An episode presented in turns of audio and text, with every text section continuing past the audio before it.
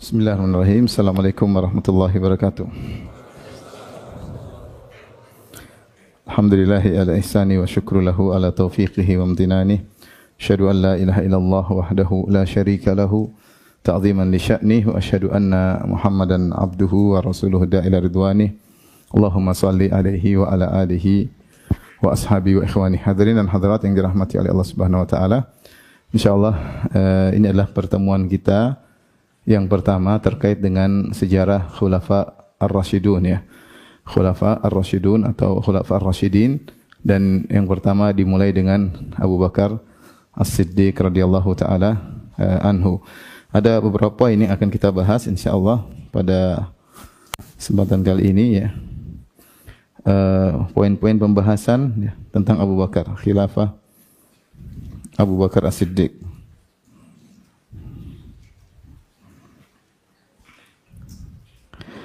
Uh, beberapa poin akan kita bahas. Yang pertama adalah tentang uh, keistimewaan Abu Bakar ya. Keistimewaan Abu Bakar yang tidak dimiliki oleh yang lainnya, yang tidak dimiliki oleh para sahabat yang lainnya.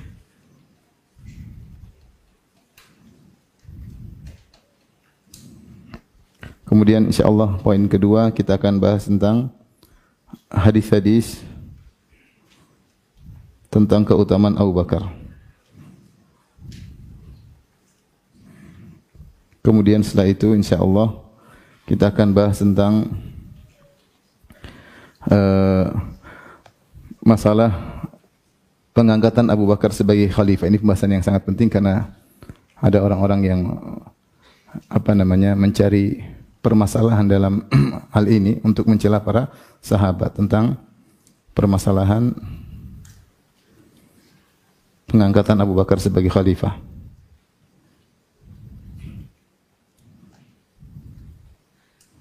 Sebagai khalifah. Kemudian yang berikutnya kita akan bahas juga ya tentang yang ke, yang keempat adalah tentang uh, kegiatan Abu Bakar selama menjadi khalifah. Karena Abu Bakar cuma dua tahun masa pemerintahannya. Namun apa saja yang telah dilakukan Abu Bakar selama menjadi khalifah. Setelah menjadi khalifah. Di antaranya seperti uh, apa namanya? Uh, tetap mengutus pasukan Usama ya. Tetap mengutus tetap mengirim pasukan Usama. pasukan Usama bin Zaid. Kemudian di antaranya memerangi memerangi nabi-nabi palsu ya. Para pengikut nabi-nabi palsu. Ini juga pembahasannya panjang ya. Kemudian di antaranya ekspansi atau perluasan ya. Perluasan negara kaum muslimin, negara Islam, negara Islam di zaman beliau ya. Di antara juga misalnya awal mulai pengumpulan Al-Qur'an ya. Awal mulai pengumpulan Al-Qur'an. Baik, ini insyaallah poin-poin yang akan uh, kita bahas pada pembahasan tentang tentang Khalifah Abu Bakar As-Siddiq radhiyallahu taala anhu. Kita beranjak pada poin yang pertama tentang keistimewaan Abu Bakar yang tidak dimiliki oleh para sahabat sahabat yang lain ya.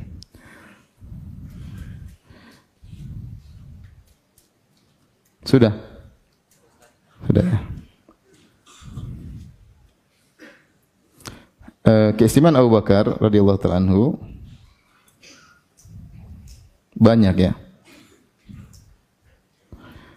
Di antaranya yang dijelaskan oleh para ulama adalah yang pertama orang dewasa yang pertama masuk Islam. Yang pertama masuk Islam. Jadi siapa orang pertama kali masuk Islam Khadijah radhiyallahu taala anha karena beliaulah yang uh, apa namanya pertama kali menenangkan Nabi sallallahu alaihi wasallam ketika Nabi turun dari Gua Hira dengan penuh ketakutan. Jadi jelaslah dialah yang orang pertama kali masuk Islam. Setelah itu para ulama merinci siapa anak kecil pertama masuk Islam kata mereka adalah Ali bin Abi Thalib radhiyallahu taala anhu. Siapa budak yang pertama kali masuk Islam kata mereka Zaid bin Harithah radhiyallahu taala anhu dan lelaki dewasa yang pertama kali masuk Islam siapa?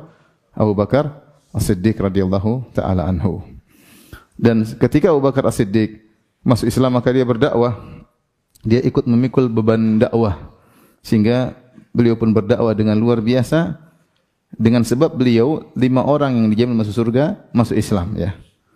Dengan dakwah beliau masuk Islam siapa saja? Utsman bin Affan. Utsman bin Affan kemudian Talha bin Ubaidillah Talha kemudian siapa Zubair bin Awam Az-Zubair bin Al-Awwam. Kemudian siapa lagi? Abdurrahman bin Auf. Abdurrahman bin Auf.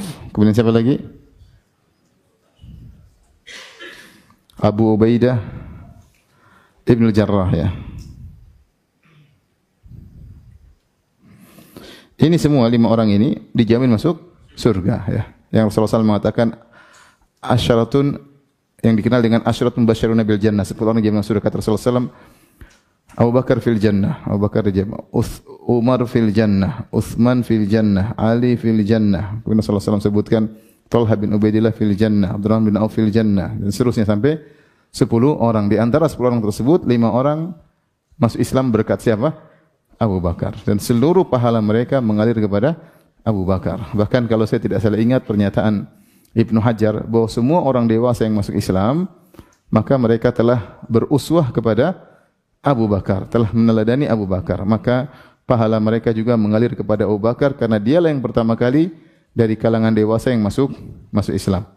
Dan ini menunjukkan bagaimana agungnya Abu Bakar As-Siddiq radhiyallahu taala anhu. Di antara kesimpulan Abu Bakar yang tidak dimiliki yang lainnya, ya. Dialah yang diberi gelar As-Siddiq. Satu-satunya yang diberi gelar As-Siddiq yang mem selalu membenarkan. Yang selalu membenarkan. Ketika Nabi sallallahu alaihi wasallam ya berkata di dalam para sahabat kata Nabi sallallahu alaihi wasallam fa inna Allah ba'atha ba'athani ilaikum fakultum kadzabtum fakultum kadzabta wa qala Abu Bakar sadaqt. Ketika Allah mengutusku kepada kalian kalian seluruh sahabat mengatakan engkau dusta wahai Muhammad. Kecuali Abu Bakar. Abu Bakar berkata apa? Sadaqta. Engkau apa? Engkau benar ya. Oleh karenanya beliau diberi gelar dengan As-Siddiq. Ketika dalam peristiwa Isra Mi'raj orang-orang ragu tentang peristiwa tersebut maka sebagian orang murtad Bahkan orang kafir datang kepada Abu Bakar kemudian mengejek Abu Bakar, lihat kawanmu ya. Dia mengatakan bahwasanya dia telah melakukan perjalanan di malam hari dari Masjidil Haram ke Baitul Maqdis dan balik sebelum terbit fajar. Maka Abu Bakar mengatakan, saya membenarkan dia lebih daripada itu. Saya membenarkan dia bahwasanya telah datang khabarus sama, berita dari langit. Tuhan kasih kabar sama dia. Ini lebih menakjubkan daripada hanya sekedar perjalanan menuju Baitul Maqdis. Maka Abu Bakar diberi gelar dengan apa? As As-Siddiq. Dan Nabi SAW ketika naik Jabal Uhud, irtajafa Uhud, maka gunung Uhud bergetar. Maka Nabi SAW berkata, Uskun ya Uhud, fa inna ma'alaika nabiyun wa siddiqun wa siddiq wa syahidan. Wahai gunung Uhud, tenanglah engkau, sungguhnya yang sedang berada di atas engkau adalah seorang Nabi, seorang siddiq, dan dua yang mati syahid, yaitu Umar dan Uthman radhiyallahu ta'ala anhum ajma'in ya. Maka dia sendiri yang diberi gelar Abu Bakar As-Siddiq. Dan ini menunjukkan bahwasanya kita semua membenarkan, tetapi pembenaran, pembenaran kita tidak seperti pembenaran siapa? Abu Bakar. Abu Bakar memiliki pembenaran yang luar biasa. Imannya sangat sangat tinggi. Makanya Umar berkata, "Lawuzina imanu Abi Bakar ma imanil ummah la rajih imanu Abi Bakar." Kalau iman Abu Bakar ditimbang dengan imannya umat masih lebih berat imannya Abu Bakar As-Siddiq radhiyallahu taala anhu ya. Dan ini keistimewaan tidak dimiliki oleh sahabat-sahabat yang lain. Karena Abu Bakar membenarkan sejak awal dan pembenarannya tingkat tinggi, tidak ada keraguan sama sekali ya. Ya.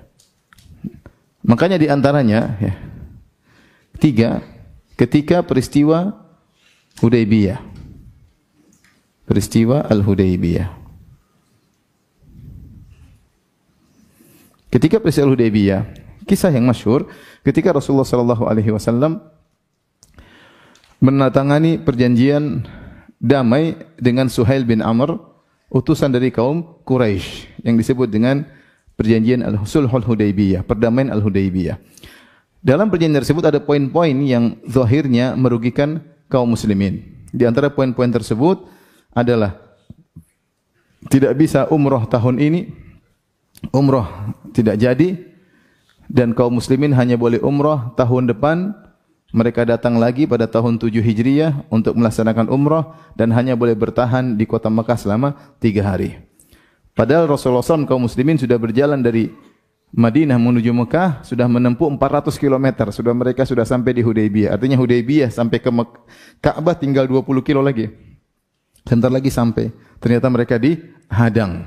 Mereka dihadang. Dan mereka dipaksa untuk menandatangani perjanjian damai dan Nabi setuju. Poin-poinnya secara kasat mata, secara zahirnya merugikan kaum muslimin. Kaum muslimin suruh pulang. Sudah jalan 400 km, ngapain pulang? Tapi Rasulullah oke. Okay.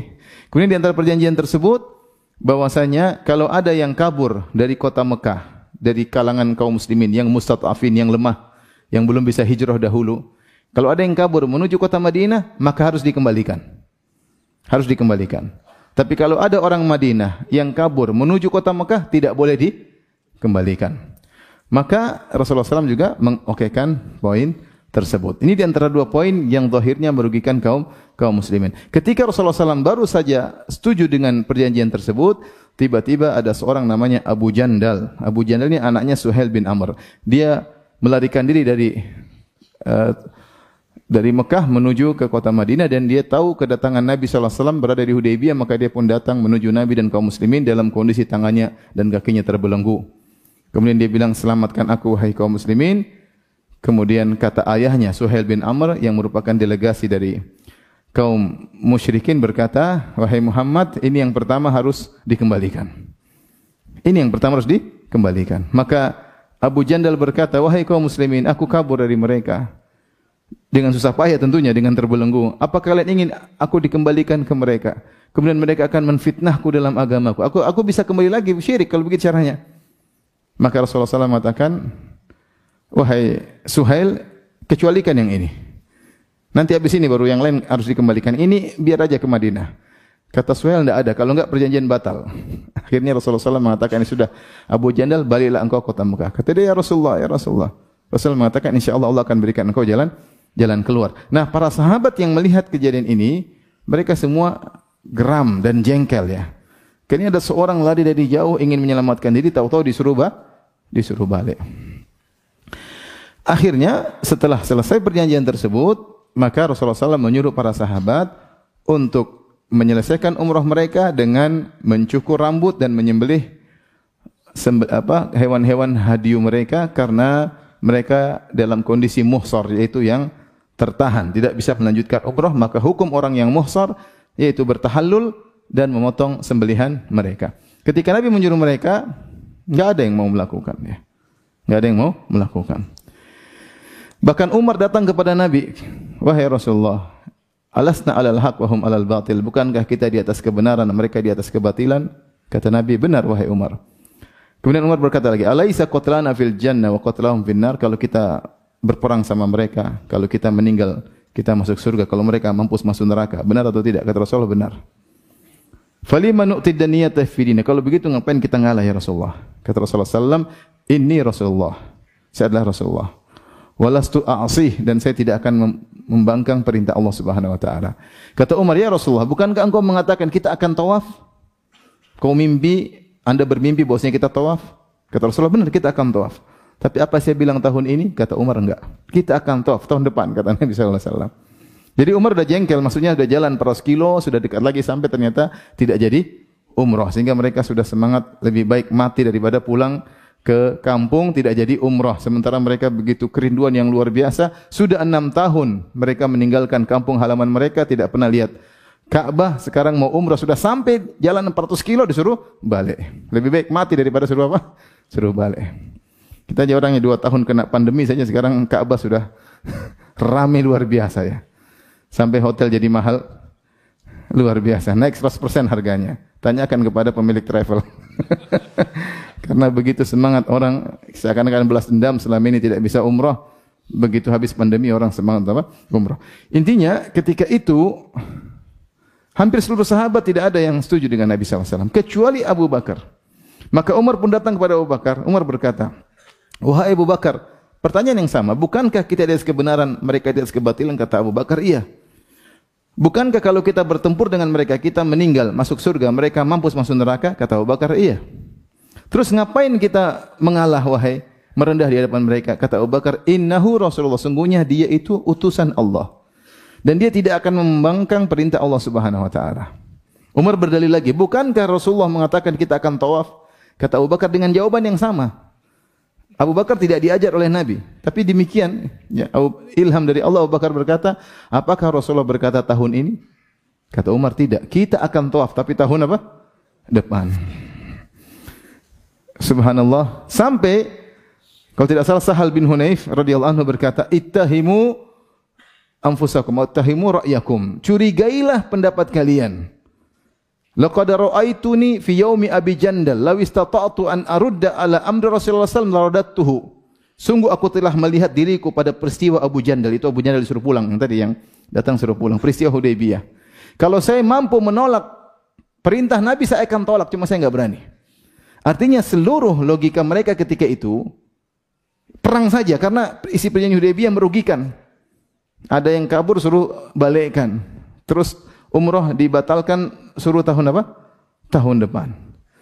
Sehingga Rasulullah suruh para sahabat untuk cukur rambut, mereka tidak mau cukur. Mereka berharap Rasulullah SAW berubah pikiran. Mereka ingin Rasulullah ambil kertas perjanjian dirobek. Mereka ingin demikian. Tapi Rasulullah SAW tidak robek-robek. Yang setuju dengan Nabi dalam riwayat cuma siapa? Abu Bakar Siddiq. Maka dialah as Siddiq. Siddiq. Baik. Atau kita apa namanya? Uh, tulis di bawah ini di antaranya apa namanya? Tidak pernah ragu. Langsung membenarkan. Dalam sebagian riwayat diriwayatkan Nabi Abu Bakar Rasulullah mengatakan Ma'aratul Islam ala ahadin illa kanat lahu kabwah illa Abu Bakar As-Siddiq. Tidaklah aku menawarkan Islam pada seorang pun kecuali pasti tidak langsung terima. Pasti apa? Mikir dulu. Yang tidak mikir-mikir cuma siapa? Abu Bakar. Langsung terima.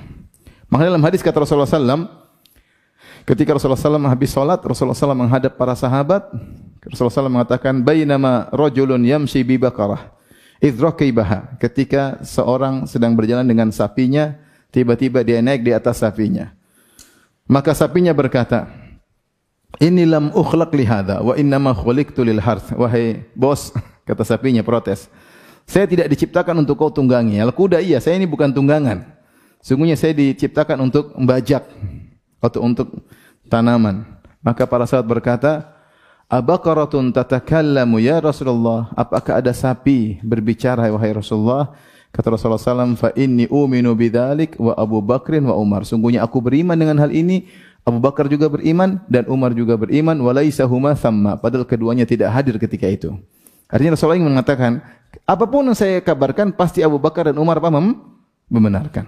Saya bilang sapi berbicara, pasti Abu Bakar dan Umar mem membenarkan. Jadi, di antara kesamaan Abu Bakar, semua sahabat ditawarkan Islam, pasti ada keraguan kecuali siapa? Abu Bakar. Abu Bakar terima, tidak mikir-mikir. Kenapa? Karena dia teman dekat Nabi sallallahu alaihi wasallam. Dia tahu betul siapa Muhammad sallallahu alaihi wasallam. Muhammad tidak pernah berdosa seumur hidupnya. Dialah yang diberi gelar oleh orang-orang Quraisy sebelum mengaku sebagai nabi, sebelum memproklamirkan diri sebagai nabi dengan gelar Al-Amin. As-Sadiqul Amin yang jujur dan amanah. Maka Abu Bakar ketika Nabi bilang, "Saya seorang nabi," langsung iya, langsung membenarkan tanpa ragu-ragu. Kemudian nampak ya pembenarannya ketika Isra Mi'raj. Isra Mi'raj. Kemudian apa? Ketika peristiwa apa? Hudai Hudaybiyah. Al-Hudaybiyah.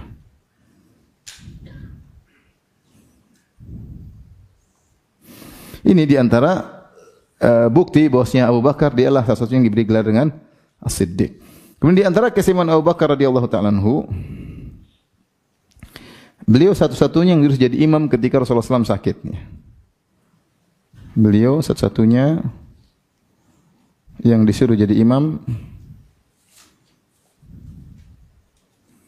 ketika Nabi sakit yang akhirnya meninggal ya ketika Nabi sallallahu alaihi wasallam sakit. Kata Rasulullah sallam, "Muru Abu Bakrin falyusalli bin nas." Perintahkan Abu Bakar untuk jadi imam. Kata Aisyah, "Ya Rasulullah, Inna Abu Bakar rajulun raqiq." Ya Rasulullah, Abu Bakar tu orang yang lembut, baka suka menangis. Kalau jadi imam nanti suaranya enggak kedengaran karena salat sambil apa? Menangis. Kata Rasulullah, "Muru Abu Bakrin falyusalli bin nas." Suruh Abu Bakar untuk jadi imam. Aisyah berkata lagi, "Ya Rasulullah, Abu Bakar." Sampai Rasulullah mengatakan, "Inna kunna suwahibu Yusuf." Kalian ini seperti wanita-wanita yang ada di kisah Nabi Yusuf alaihissalam. Kalian mengatakan sesuatu tapi maksudnya lain. Dijelaskan oleh para ulama, kenapa? Karena uh, apa namanya? Ketika Zulekha atau wanita yang merayu Nabi ya, Yusuf ya kemudian dia memanggil para wanita untuk datang niatnya adalah lain ya agar mereka tahu betapa tampannya Nabi Yusuf alaihissalam dan mereka ternyata tidak kuat ya jadi perkataan lain dengan dengan ucapan ya atau dengan hati nah Aisyah radhiyallahu anha ketika mengucapkan ini dia maksudnya dia khawatir nanti kalau Abu Bakar jadi imam pertanda Rasulullah SAW akan meninggal meninggal dunia. Dia enggak mau orang-orang menjadikan kesialan kepada Abu Bakar radhiyallahu taala anhu. Tapi Rasulullah SAW bersikeras surah Abu Bakar jadi imam dan akhirnya Abu Bakar menjadi apa? Jadi imam. Tidak ada yang disuruh kecuali siapa? Abu Bakar. Kemudian di antaranya kesimpulan Abu Bakar tidak dimiliki yang lainnya. Satu-satunya yang menemani Nabi berhijrah. Berhijrah ya. Sallallahu alaihi wasallam. Tidak ada sahabat lain yang diajak kecuali Abu Bakar As-Siddiq. Ketika Rasulullah SAW akan berhijrah, kemudian Rasulullah Abu Bakar ingin berhijrah, Rasulullah larang. La Allah suhbah ya Abu Bakar. Jangan kau, siapa tahu kau menemaniku dan benar akhirnya yang menemani Abu Bakar dalam perjalanan maut dari Mekah menuju Madinah siapa yang menemani Nabi? Abu Bakar. Yang tidur bersama Nabi di goa siapa? Abu Bakar. Yang Rasulullah SAW mengatakan Abu Bakar adalah Allah menyatakan Abu Bakar adalah sahabat Nabi. Kata Allah Subhanahu wa taala, "Thaniyatnaini idhuma fil ghar idh yaqulu li sahibihi la tahzan." Dua orang, orang kedua or, or, salah satu dari or, dua orang yang ada di goa idh yaqulu li sahibihi tatkala dia itu Muhammad sallallahu alaihi wasallam berkata kepada sahabatnya, kepada temannya dalam gua tersebut. La tahzan innallaha ma'ana. Jangan kau sedih, sungguhnya Allah bersama kita. Bersama aku dan kamu. Subhanallah. Tazkiyah dari Allah membenarkan perkataan Nabi, innallaha ma'ana. Allah bersama kita. Kita di situ siapa? Tidak ada orang ketiga. Abu Bakar dan siapa? Dan Umar. Eh, Abu Bakar dan Nabi sallallahu alaihi wasallam. Kemudian uh, semua kegiatan hijrah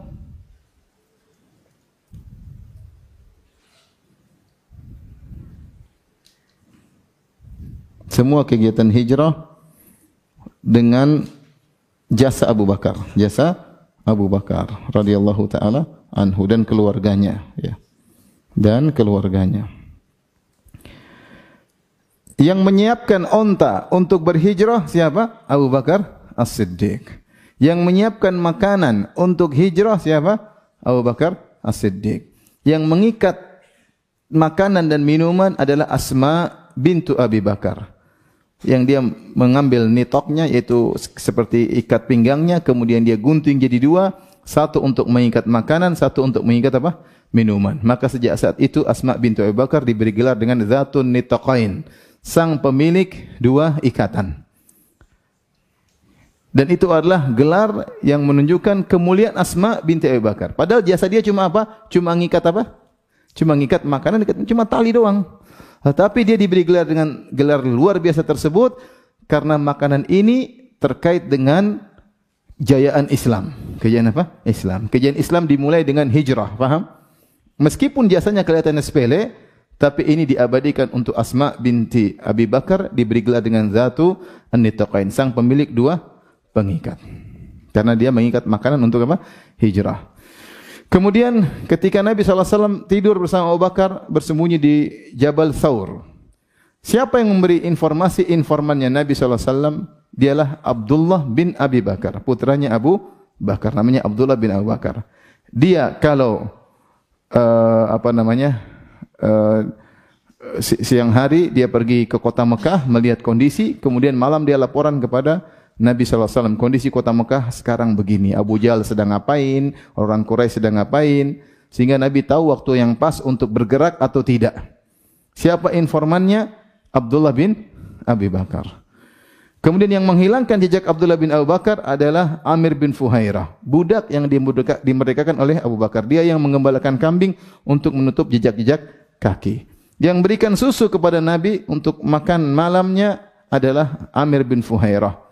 Semua perjalanan hijrah dengan jasa siapa? Abu Bakar As-Siddiq dan tidak ada sahabat lain yang menyertainya. Cuma Abu Bakar dan keluarganya. Tapi di antara kesiman Abu Bakar radhiyallahu taala anhu dialah yang menemani Nabi berdoa. Nabi sallallahu alaihi wasallam berdoa di perang Badar. Di Arish. Arish adalah semacam uh, naungan yang dibuat itu semacam tong apa namanya tiang kemudian dipasang atap tetapi tidak ada bawahannya. Kalau kemah kan ada tutupan bawahnya. Ini cuma atas namanya Arish. Ketika terjadi peperangan maka Nabi berdoa di situ. Berdoa. Para sahabat berperang Nabi berdoa. Siapa yang diajak oleh Nabi untuk berdoa? Nabi hanya mengajak siapa? Abu Bakar. Karena wallahu alam tentunya Nabi mengajak orang yang paling diharapkan doanya terkabulkan dialah Abu Bakar. Maka Nabi dan Abu Bakar pun berdoa agar Allah memenangkan kaum muslimin. Nabi berkata, Allahumma ya anjis wa'adak. Allahumma intahlik hadhil isabah falam tu'bad. Kata Nabi SAW, Ya Allah, tunaikan janjimu ya Allah, penuhi janjimu. Kalau engkau binasakan kami kali ini, maka kau tidak akan di, disembah. Rasulullah SAW angkat tangan. Angkat tangan berdoa, sampai tingginya Rasulullah SAW angkat kedua tangannya, hingga ridaknya pun jatuh. Abu Bakar juga berdoa. Abu Bakar radhiyallahu anhu sudah selesai berdoa, kemudian dia mengambil rida Nabi yang jatuh, selendang Nabi, kemudian dia cantolkan kembali ke pundak Nabi. Kemudian dia berkata, "Ba'dhu munasyadatika ya Rasulullah, fa inna Allah sayunjizu wa'dak." Wahai Rasulullah, cukup doamu sudah cukup. Allah pasti akan mengabulkan apa? Doamu. Tapi yang tidak ada yang menemani kecuali siapa? Abu Bakar. Tidak Umar, tidak Uthman, tidak Ali, tidak saya. Yang cuma Abu Bakar radhiyallahu taala anhu. Kemudian di antara keistimewaan Abu Bakar radhiyallahu anhu ketujuh satu-satunya yang diizinkan bersedekah dengan seluruh hartanya. Seluruh hartanya. Ada beberapa sahabat ingin bersedekah dengan sedekah yang banyak, tapi Rasulullah SAW larang. Seperti Sa'ad bin Abi Waqqas radhiyallahu anhu ketika dia sakit setelah Fatu Makkah, dia sakit dia minta izin ya Rasulullah untuk bersedekah dengan setengah hartanya, ya. Dua per tiga hartanya. Kata Rasulullah SAW, jangan. Kata dia Rasulullah setengah harta. Kata Rasulullah SAW, jangan. Sepertiga harta. Kata Rasulullah SAW, wa thuluth wa thuluthu kathir. Nah, apa-apa, sepertiga. Jadi sudah banyak. Kemudian juga di antara yang minta izin untuk bersedekah dengan seluruh hartanya adalah Ka'ab bin Malik. Ka'ab bin Malik ketika dalam perang Tabuk dia tidak ikut perang Tabuk sehingga dia diboikot oleh kaum muslimin selama 50 hari. Setelah itu dia bertobat dan Allah menerima tobatnya sampai Allah turunkan ayatnya wa ala thalathatil ladzina khulifu. Ya, mereka pun diterima tobatnya oleh Allah. Kemudian dia berkata, "Ya Rasulullah, inna min taubati." Ya Rasulullah di antara tobatku, aku akan menyerahkan seluruh hartaku di jalan Allah. Kata Rasulullah, "Jangan." Jangan. Tahan sebagian hartamu. Jadi tidak semua sahabat diizinkan untuk apa? Bersedekah seluruh hartanya. Rasulullah lebih tahu tentang uh, kondisi mereka. Tetapi ketika Abu Bakar, ya, Abu Bakar menyumbangkan seluruh hartanya dan Rasulullah SAW tidak larang beliau. Ketika Rasulullah SAW, Abu Bakar As-Siddiq menyumbangkan seluruh hartanya dua kali. Pertama ketika hijrah, yang kedua ketika perang Tabuk. Ketika hijrah Abu Bakar menyumbangkan seluruh hartanya untuk hijrah Nabi sallallahu alaihi wasallam. Sampai ayahnya yaitu Abu Kuhafah datang kepada anak-anaknya Abu Bakar bertanya apa yang disisakan oleh ayah kalian buat kalian. Maka kalau tidak salah Asma binti Abu Bakar mengatakan ada ada kek ini kakek ada harta ternyata batu batu dia gulung pakai apa? Pakai kain dia bilang di sini ada tempat simpan harta ini harta yang ditinggal oleh ayah. Dipikir sebongkah emas ternyata cuma batu. Semua harta sudah ludes dibawa oleh Abu Bakar untuk apa? Untuk berhijrah. Kali kedua ketika perang Tabuk Rasulullah SAW memotivasi orang untuk bersedekah, maka Abu Bakar Umar melombai Abu Bakar kata Umar fajituhu binisfi mali. Saya pun bawa harta setengah hartaku kepada Nabi. Rasulullah SAW bertanya, Ma abuqaita li ahlik, apa yang kau sisakan untuk keluargamu? Kata Umar, Abu lahu misla, mislahu. Aku sisakan bagi mereka seperti yang saya bawa. Artinya setengah buat anda ya Rasulullah untuk berjihad, setengahnya saya tinggalkan buat keluargaku. Faja Abu Bakar fatasaddaq bi malihi kulli. Maka datang Abu Bakar kemudian dia bersedekah dengan seluruh hartanya. Rasulullah SAW bertanya, Ma Abu li ahlik. Apa yang kau sisakan buat keluargamu? Kata Abu Bakar As-Siddiq radhiyallahu anhu, lahumullah wa rasulah. Aku sisakan aku, tinggalkan bagi mereka Allah dan Rasulnya. Dan Rasulullah SAW tidak melarang. Rasulullah terima sedekah seluruh harta tersebut. Kenapa Rasulullah SAW tahu Rasulullah SAW tahu tentang imannya siapa? Abu Bakar. Dan Rasulullah SAW tahu bagaimana tarbiyah Abu Bakar kepada anak istrinya. Terkadang seorang ingin bersedekah dengan banyak, anaknya dan istrinya tidak terima. Iya atau tidak? Mau bersedekah? Jangan gitu, Bi. Ini pertama, dia mungkin semangat, anak istrinya tidak semangat. Yang kedua, meskipun Abu Bakar ludes hartanya, dia tawakalnya tinggi, dia akan bisa mencari harta untuk anak istrinya. Iman mereka semua siap dengan ludesnya harta habis semuanya. Tidak ada masalah bagi Abu Bakar. Ya. Umar saja tidak tidak tidak seperti itu. Umar hanya menyumbangkan apa? Setengah, ya. Kemudian sebagian orang kalau sudah bersedekah terkadang menyesal. Ya, terkadang menyesal. Seperti saya sering sampaikan, ada orang bertanya sama saya, Ustaz, saya kemarin termotivasi, saya sedekah terlalu banyak. Boleh minta kembali enggak? Ya, saya bilang, ya wajar. Imannya juga manusia ya. Imannya naik apa? Turun. Ketika bersedekah imannya naik, habis bersedekah imannya turun. Jadi ini satu-satunya yang bersihkan seluruh hartanya siapa? Abu Bakar Asri. Ini menunjukkan imannya yang, yang luar biasa. Kira kirain gampang sedekah dengan seluruh harta, susah. Mau sedekah sepersepuluh saja pikir seribu kali. Susah, nggak gampang. Tapi lihat Abu Bakar As-Siddiq, dia bersedekah dengan seluruh hartanya. Ini di antara keistimewaan yang dimiliki oleh Abu Bakar As-Siddiq yang tidak dimiliki oleh uh, sahabat-sahabat yang di antara juga hanya Abu Bakar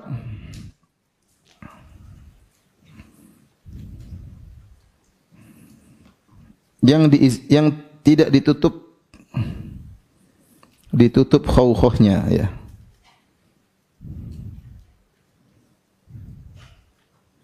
Khawkhah dalam bahasa Arab. Khawkhah. Khawkhah itu pintu antara dua rumah. Jadi ada rumah gabung dengan rumah yang lain, ada pintu di antaranya disebut dengan apa? Khawkhah. Nanti akan kita bacakan hadisnya. Rasulullah SAW mengatakan semua pintu yang mengantarkan kepada Masjid Nabawi sudah illa sudah semuanya ditutup. Illa baba Abi Bakar, illa khawkhah Abi Bakar, kecuali pintunya Abu Bakar jangan ditutup. Dulu sebagian sahabat punya rumah, lorongnya langsung sampai ke Masjid Nabawi untuk karena mereka semangat ke masjid, paham? Maka mereka buat pintu yang langsung sampai ke masjid. Ada pintu-pintu kecil, mereka langsung sampai ke masjid. Nabi berkata semua pintu tutup. Kecuali pintunya siapa? Abu Bakar. Ini antara kesimpulan Abu Bakar. Ini yang keberapa? Yang kedelapan. Yang kesembilan, hanya Abu Bakar atau Abu Bakar yang paling dicintai oleh Nabi. Abu Bakar yang paling orang yang paling dicintai oleh Nabi. Orang yang paling dicintai Nabi. tidak didapatkan oleh sahabat-sahabat yang lain. Amr bin As radhiyallahu anhu baru masuk Islam beberapa bulan, kemudian Rasulullah SAW menyuruh dia untuk menjadi pemimpin perang dalam perang Zatus Salasil. Disuruh perang. Ya, perang Zatus Salasil. Dan dia baru beberapa bulan masuk Islam. Tapi Rasulullah SAW angkat dia menjadi apa? Menjadi amir perang, pemimpin perang. Dan yang menakjubkan anak buahnya banyak. Di antara Abu Bakar dan Umar jadi anak buahnya. Dari kalangan muhajirin, kaum ansar semua jadi anak buah siapa?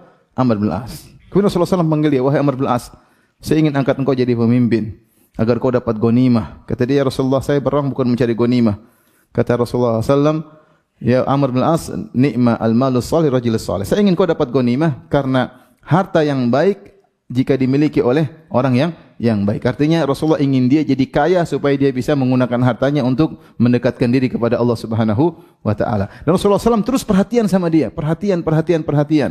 Sampai dijadikan pemimpin dan anak buahnya ada Abu Bakar dan Umar.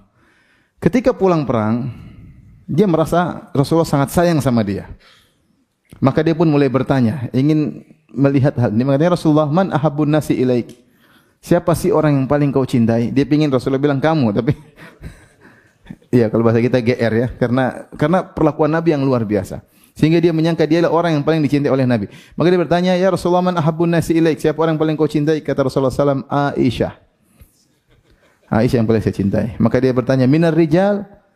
Laki-laki yang paling kau cintai? Maka Rasulullah mengatakan, "Abuha." Siapa? Ayahnya, Abu Bakar As-Siddiq.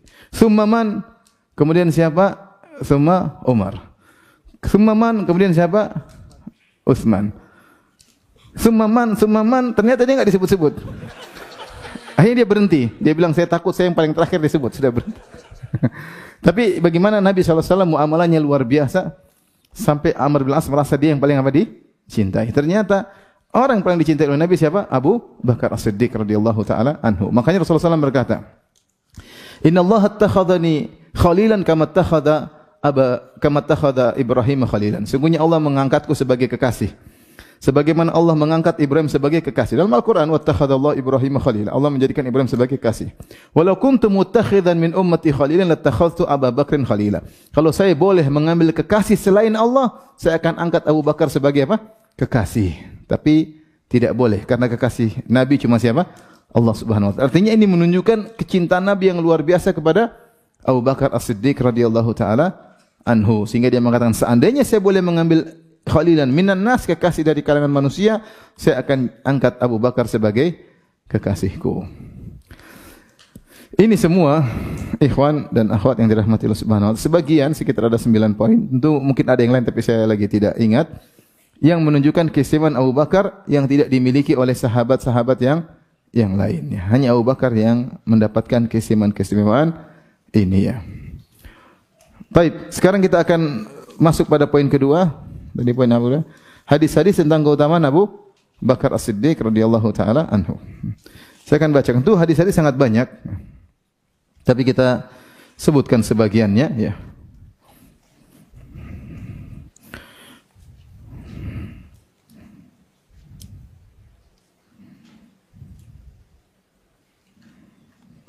Tadi hadis yang sudah saya sebutkan dalam uh, hadis riwayat Ahmad dan Nasa'i dan Ibnu Abi Asim ya.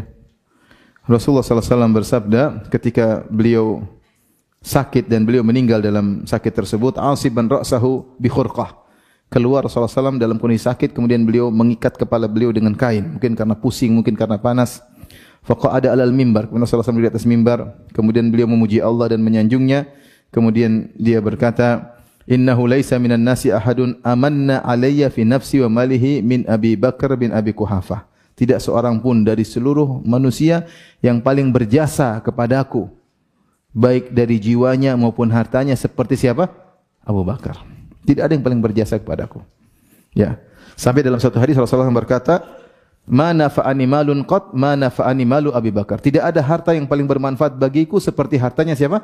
Abu Bakar. Maka fabaka Abu Bakar. Abu Bakar pun menangis ketika dipuji oleh Nabi. Lantas Abu Bakar berkata, "Ma nafsi wa mali illa laka ya Rasulullah." Tidaklah hartaku dan jiwaku kecuali untuk Anda wahai Rasulullah sallallahu alaihi wasallam.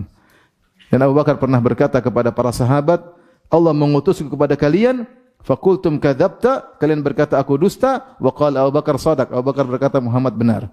Wa wasani bimalihi wa nafsihi dan dia ketika itu ketika kalian mendustakan aku, dia yang membantu aku dengan jiwa dan har hartanya. Maka Rasulullah mengatakan tidak ada yang paling berjasa dalam hidupku seperti siapa? Abu Bakar As-Siddiq radhiyallahu taala. Karena dia bersedekah dan mengorbankan jiwanya ketika belum ada orang-orang yang beriman kepada Nabi sallallahu alaihi wasallam. Kemudian Rasulullah SAW berkata, "Walau kuntu muttakhidan minan nasi khalilan lattakhadhtu Abu Bakrin khalila." Kalau saya boleh mengambil kekasih dari kalangan manusia, saya akan jadikan Abu Bakar sebagai kekasihku. Walakin khullatul Islam afdal. Tapi ini persaudaraan sama Islam saja. Suddu kulla khawkhatin fil masjid ghaira khawkhati Abi Bakar. Tutup semua jalan menuju masjid kecuali jalannya siapa? Abu Bakar. Para ulama mengatakan isyarat. Ini Rasulullah ucapkan ketika akan meninggal dunia. Isyarat bahwasanya yang akan jadi khalifah setelah aku siapa Abu Bakar. Karena khalifah butuh jalan yang langsung menuju masjid. Karena dia akan jadi imam setelah setelah Rasulullah SAW meninggal dunia. Namanya khalifah jadi imam. Ini isyarat ya. Intinya semua pintu suruh tutup kecuali pintu siapa? Abu Bakar. Kemudian di antara hadis yang menunjukkan tentang keutamaan Abu Bakar radhiyallahu taala anhu ya. Dia adalah yang uh, awal-awal masuk Islam ya.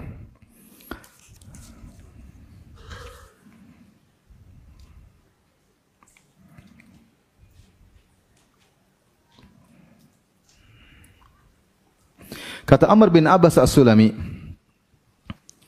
Amr bin Abbas radhiyallahu anhu As-Sulami kuntu wa ana fil jahiliyah adhun anna an-nasa ala dhalalah wa annahum laisu ala syai' wa hum ya'budun awthan ketika saya di zaman jahiliyah saya menyangka semua manusia sesat dan mereka tidak memiliki sandaran apa pun dan mereka menyembah berhala Fasami'tu bi rajulin bi Makkah yukhbiru akhbaran. Namun saya mendengar ada seorang di Mekah, maksudnya Rasulullah SAW, menyampaikan kabar-kabar. Faqat qa'atu ala rahilati faqadimtu alaihi maka saya pun segera naik tungganganku dan saya menuju orang tersebut yang cerita tentang kabar-kabar akhirat. Fa idza Rasulullah sallallahu mustakhfiyan jurau alaihi qaumuhu. Ternyata Rasulullah SAW sedang sembunyi-sembunyi dalam berdakwah. Kaumnya berani menindasnya. Fatalattaftu hatta dakhaltu alaihi bi Makkah. Aku pun pelan diam-diam dan aku akhirnya ketemu dengan beliau dan aku berkata, "Ma anta? Siapa engkau?" Ana nabiyun kata Rasulullah SAW kepada Amr Amr bin Abbasah As-Sulami, saya adalah seorang nabi. Fakultu wa man nabi? Apa itu nabi wahai Muhammad? Qala arsalani Allah, arsalani Allah, yaitu nabi maksudnya Allah utus aku. Qultu wa bi ayyi syai'in arsalaka? Allah utus kamu untuk menyampaikan apa? Qala arsalani bi silatil arham wa kasril authan wa an yuwahhadallahu la yusyraku bihi syai'. Allah mengutusku untuk menyambung silaturahmi untuk menghancurkan berhala-berhala dan agar Allah ditauhidkan dan tidak disekutukan. Qultu lahu faman ma'aka ala hadha? Siapa yang bersamamu dalam dakwahmu ini? Kata Abu Bakar, kata Rasulullah SAW, hurrun wa abdun. Seorang merdeka dan seorang budak. Ketika itu wa ma'ahu yauma idin Abu Bakar wa Bilal. Maksudnya sedang bersamaku seorang merdeka. Maksudnya siapa? Abu Bakar dan sedang bersamaku seorang budak. Maksudnya siapa? Bilal. Artinya Abu Bakar dan Bilal bersama Nabi dalam dakwah. Ketika Nabi ditanya, kau sedang sama siapa? Rasulullah bilang, Abu Bakar dan apa? Bilal. Kemudian di antara keutamaan uh, Abu Bakar radhiyallahu taala anhu ketika terjadi diskusi dengan antara Abu Bakar dan Umar, akhirnya Abu Bakar bersalah dan Umar pun tersinggung ya. Kemudian akhirnya Abu Bakar minta maaf sama Umar, Umar tidak mau. Akhirnya Umar pulang ke rumah. Abu Bakar pun datang ke rumah Umar, ketuk-ketuk pintu, Umar tidak jawab. Dan Abu Bakar sangat sedih, minta maaf sama Umar, tidak dimaafkan oleh Umar. Akhirnya Abu Bakar pun jalan menuju Rasulullah untuk curhat kalau bahasa kita ya.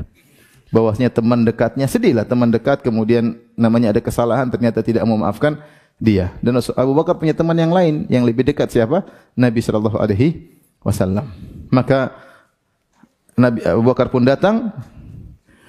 Ketika datang akbala Abu Bakrin akhidan bi tarfi thawbihi sambil mengangkat ujung bajunya hatta abdaan rukbatihi sampai terlihat lututnya Maka Rasulullah SAW mengomentar. Rasulullah SAW sedang duduk dengan para sahabat. Kata Rasulullah SAW, Amma sahibukum hadha faqad ghamar.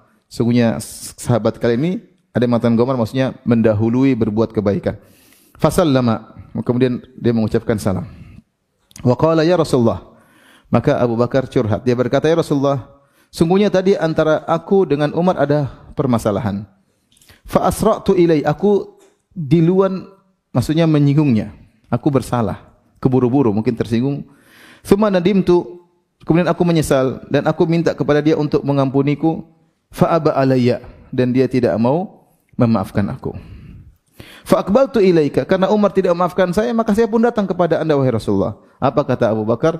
Yaghfirullahu laka ya Abu Bakar. Allah akan mengampuni engkau wahai Abu Bakar sampai tiga kali. Artinya Rasulullah mengatakan tidak usah pusing Abu Bakar. Umar tidak maafkan enggak ada masalah. Kau akan diampuni oleh Allah sampai Rasulullah sebut tiga kali. Kemudian Umar menyesal karena tidak memaafkan sahabatnya Abu Bakar. Fa'ata manzil Abu Bakar. Maka dia pun segera ke rumah Abu Bakar. Mau maafin Abu Bakar. Dia tanya, Asama Abu Bakar, ada Abu Bakar enggak di rumah? Orang-orang rumah bilang tidak ada. Waduh, padahal dia memaafkan Abu Bakar. Tapi terlambat. Ternyata Abu Bakar tidak di rumah. Maka dia pun datang menuju Nabi sallallahu alaihi wasallam. Ketika Nabi melihat Umar, kata Abu Darda sang perawi, ya faja'ala wajhun wajhun Nabi sallallahu alaihi wasallam yatama'ar hatta asfaqa Abu Bakar. Fajasa ala rukbaiti. Ketika Nabi melihat Umar ini Umar lah bukan sembarang orang yang dia masuk surga. Maka wajah Nabi pun kelihatan marah melihat siapa? Umar. Wajah Nabi berubah. Kenapa Nabi marah kepada Umar? Karena Umar tidak mau memaafkan sahabatnya. Siapa?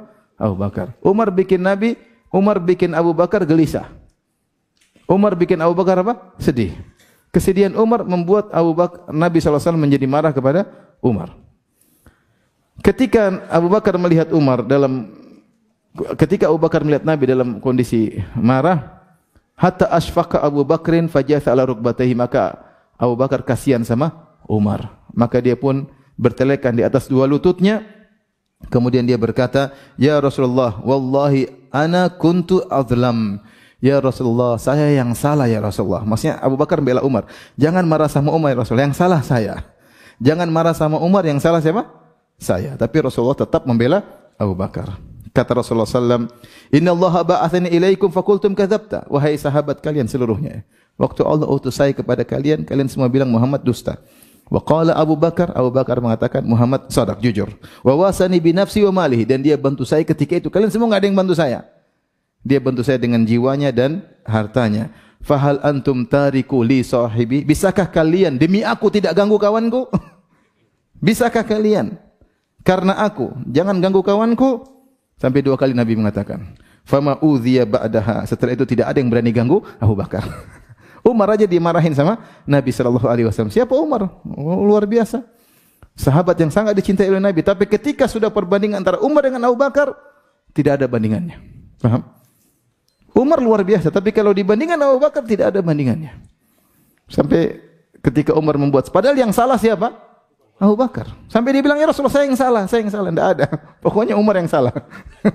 Gampangannya demikian. Jangan ganggu sahabatku ini. Jangan ganggu sahabatku ini. Taib. Di antara keistimewaan Abu Bakar dalam hadis dari uh, Abu Hurairah radhiyallahu anhu dia berkata Rasulullah SAW bersabda aku mendengar Rasulullah SAW bersabda Man anfaqa zawjaini min syai'in min asya' fi sabilillah du'iya min abwabin ya'ni al-jannah. Ya Abdullah hadha khairun. Faman kana min ahli salati du'iya min babi salat wa kana min ahli jihad du'iya min bil jihad. Wa kana min ahli sadaqah du'iya min babi sadaqah wa kana min ahli siyam du'iya min babi rayyan kata Nabi SAW siapa yang berinfak dengan dua sepasang maka dia akan dipanggil untuk berjihad di jalan Allah ya maka dia akan dipanggil dari pintu-pintu surga ya siapa yang ahli salat selalu salat suka salat pada hari kiamat kelak dia akan dipanggil dari pintu solat di surga. Azan kah? Azan dulu nih. Taib kita lanjutkan sedikit lagi. Ya. Jadi Rasulullah mengabarkan siapa yang ahli solat, perhatian dengan solat, ya, solat fardu, solat sunnah, maka pada hari kiamat kelak dia akan dipanggil masuk surga lewat pintu solat yang ada di surga. Waman kana min ahli jihad, siapa yang suka berjihad, maka dia dipanggil dari pintu jihad. Dan siapa yang suka bersedekah maka akan dipanggil dari pintu sedekah. Siapa yang suka berpuasa maka akan dipanggil dari pintu Ar-Rayyan. Maka Abu Bakar berkata, "Hal yud'a minha kulliha ahadun ya Rasul. Adakah seorang yang dipanggil pintu-pintu semuanya? Ketika dia datang, eh sini, terserah lihat mana. Semua pintu penjaga pintu surga memanggilnya. Apakah ada orang seperti Rasulullah? Abu Bakar bertanya. Kata Rasulullah SAW, Naam, ada orang seperti itu. Wa arju antakuna minhum. Dan saya berharap engkau termasuk mereka, wahai Abu Bakar As-Siddiq. Ya. Ini menunjukkan Abu Bakar adalah orang yang ibadah dalam segala hal. Ya. Makanya dalam suatu hadis Rasulullah SAW pernah bertanya, Man asbaha minkum iman. Siapa sih di antara kalian yang puasa hari ini? Kata Abu Bakar, saya Rasulullah. Karena Rasulullah bertanya. Ya. Man ada minkum maridon. Siapa yang hari ini menyungguh orang sakit? Kata Abu Bakar, saya Rasulullah. Ya. Man tabi'a minkumul janazah. Siapa yang hari ini mengikuti jenazah, ngelayat atau menguburkan? Kata Abu Bakar, saya Rasulullah. Siapa yang hari ini memberi makan kepada fakir miskin? Kata Abu Bakar, saya Rasulullah. Maka Rasulullah SAW berkata, Majtama'ana fi mri'in illa dakhalal jannah. Tidaklah berkumpul pada seorang kecuali masuk surga. Coba saya tanya sama antum, siapa yang hari ini puasa? Siapa yang hari ini menjenguk orang sakit. Saya Rasulullah. Siapa istri saya sakit? Siapa yang hari ini kasih makan orang miskin? Saya, anak saya miskin. Saya kasih. Subhanallah Abu Bakar semua dia kerjakan. Dan ini menunjukkan dia beramal soleh dengan berbagai macam amal soleh. Makanya pantas jika nanti dia dipanggil dari seluruh pintu-pintu yang ada di surga. Tapi ini mungkin yang bisa saya sampaikan. Insya Allah kita sampaikan hadis-hadis yang lain terkait dengan masalah pembahasan pemilihan Abu Bakar sebagai khalifah pada pertemuan berikut insyaallah taala dan ini pembahasan yang sangat penting karena di sinilah orang-orang orientalis menyembuskan syubhat sebagaimana orang Rafidah juga menghembuskan syubhat permasalahan absahnya Abu Bakar radhiyallahu anhu sebagai apa? khalifah. Demikian saja apa yang saya sampaikan. Subhanakallah bihamdik asyhadu an la ilaha illa anta. Assalamualaikum warahmatullahi wabarakatuh.